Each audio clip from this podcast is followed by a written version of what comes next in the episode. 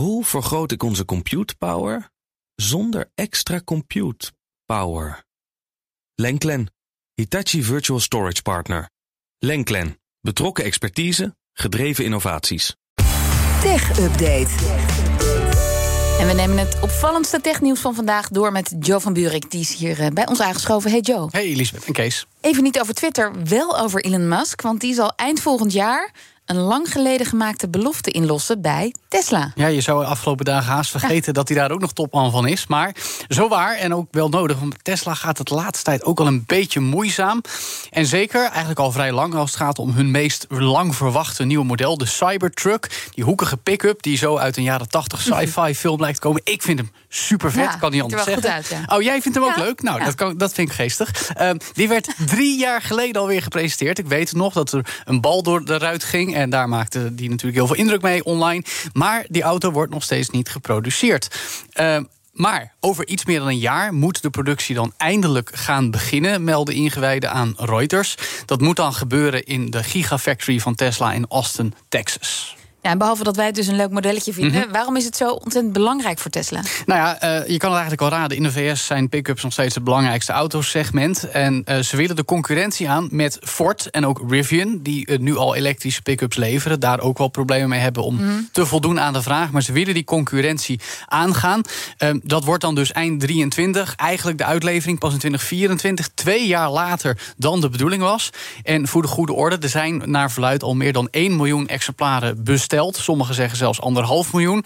Weliswaar met een aanbetaling van gemiddeld 100 euro per stuk omgerekend. Nou, dat- Maar het geeft aan hoe graag mensen die auto willen hebben. Sinds mei dit jaar kun je hem al niet eens meer bestellen. Omdat ze bij Tesla hebben gezegd... we hebben vanaf die, het moment dat die gebouwd wordt... drie jaar nodig om de orders die nu al staan te kunnen vervullen. Oké, dat, dat, ja, dat duurt nog We even. zijn even bezig. Maar dan toch nog heel even over Twitter. Mhm. Want eh, we hebben het over Musk. En hij laat zich ook eh, weer vandaag gelden. Ja, eh, want hij is druk om veel bestaande medewerkers naar huis te sturen. Dat deed hij vlak voor het weekend al met het management. Direct na het tekenen van de definitieve koopovereenkomst gisteren het hele bestuur. En nu is ook bekend dat hij het moderatieteam beperkt heeft in zijn werkzaamheden. Melden Oh. bronnen bij Bloomberg. En dat zijn dan mensen van de Trust and Safety afdeling. Dus eigenlijk ja, de mensen die in de gaten houden of er geen schadelijke content gedeeld wordt. eh, die ook accounts kunnen eh, weren en blokkeren als het nodig is.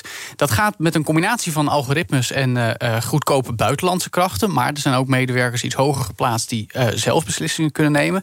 En volgens de berichten zou Musk willen voorkomen dat die mensen aan de programmeercode van Twitter kunnen zitten. Je zou bijna zeggen, dat klinkt een beetje paranoïde. Zo van, ik heb het gekocht en nu is het van mij. En mocht je nou denken, ach ja, die gekke Elon Musk. Maar dit is wel de maand van de midtermverkiezingen in de VS... waarbij je bij uitstek niet wil dat trollen en verspreiders van nepnieuws... invloed gaan uitoefenen.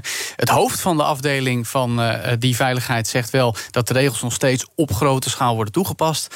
Maar ik hou mijn hart een beetje vast. Nou, maar, maar Joe, gisteren, Ja, eh, beetje, hoorden we, ja. Ja. Het is ernstig. en gisteren hoorden we ook van jou dat Musk eh, bij de Europese Commissie had gezegd: nee, wij zorgen echt wel dat, eh, dat we de, de regels wat betreft de veiligheid en misbruik eh, door trollen Nou, dat- Kees, zeg me één ding. Geloof jij Elon Musk op zijn mooie eh, glimmende ogen? nee, nee, nee, maar dit, dit, eh, dit spreekt toch boekdelen? Ja, zeker. Ja, nee, dit is best wel beangstigend. En het is de vraag wat hij nou weer de komende 24 uur bijvoorbeeld gaat bedenken... waardoor dat eh, nog weer lastiger zou kunnen worden. Dus, eh, Dus we als je dan eh, eh, in een tweet of een gebruiker rapporteert... Ja, dan, nou ja, als ik dan jou nu moet geloven... er zal waarschijnlijk minder mm, ingezette capaciteit zijn Ja. om daar iets mee te Dus doen. ik kan jou nu rapporteren. Eh, doe maar niet. Nou, ik zit altijd Mastodon wel. trouwens, dus dat scheelt. Daar, daar heb je weer hele andere moderatiemogelijkheden. Nou, nog even iets heel anders dan. Eh, Sony, die wint flink op de beurs na gunstige kwartaalcijfers. Ja, want as we speak, als we kijken naar de Nasdaq... staat Sony zo'n 6,5% in de plus. Eh, er werd eerder vandaag al een kwart meer netto-winst gemeld... over het afgelopen kwartaal ten opzichte van dezelfde periode vorig jaar. Ook 16% meer omzet. Profijt van de eh, zwakkere yen speelt daarmee eh, een rol... maar ook de verkoopcijfers van de iPhone. Want Sony maakt daarvoor de camerasensoren. En Apple verkoopt goed, dus Sony profiteert ook. Nou, en wat viel je dan verder nog op?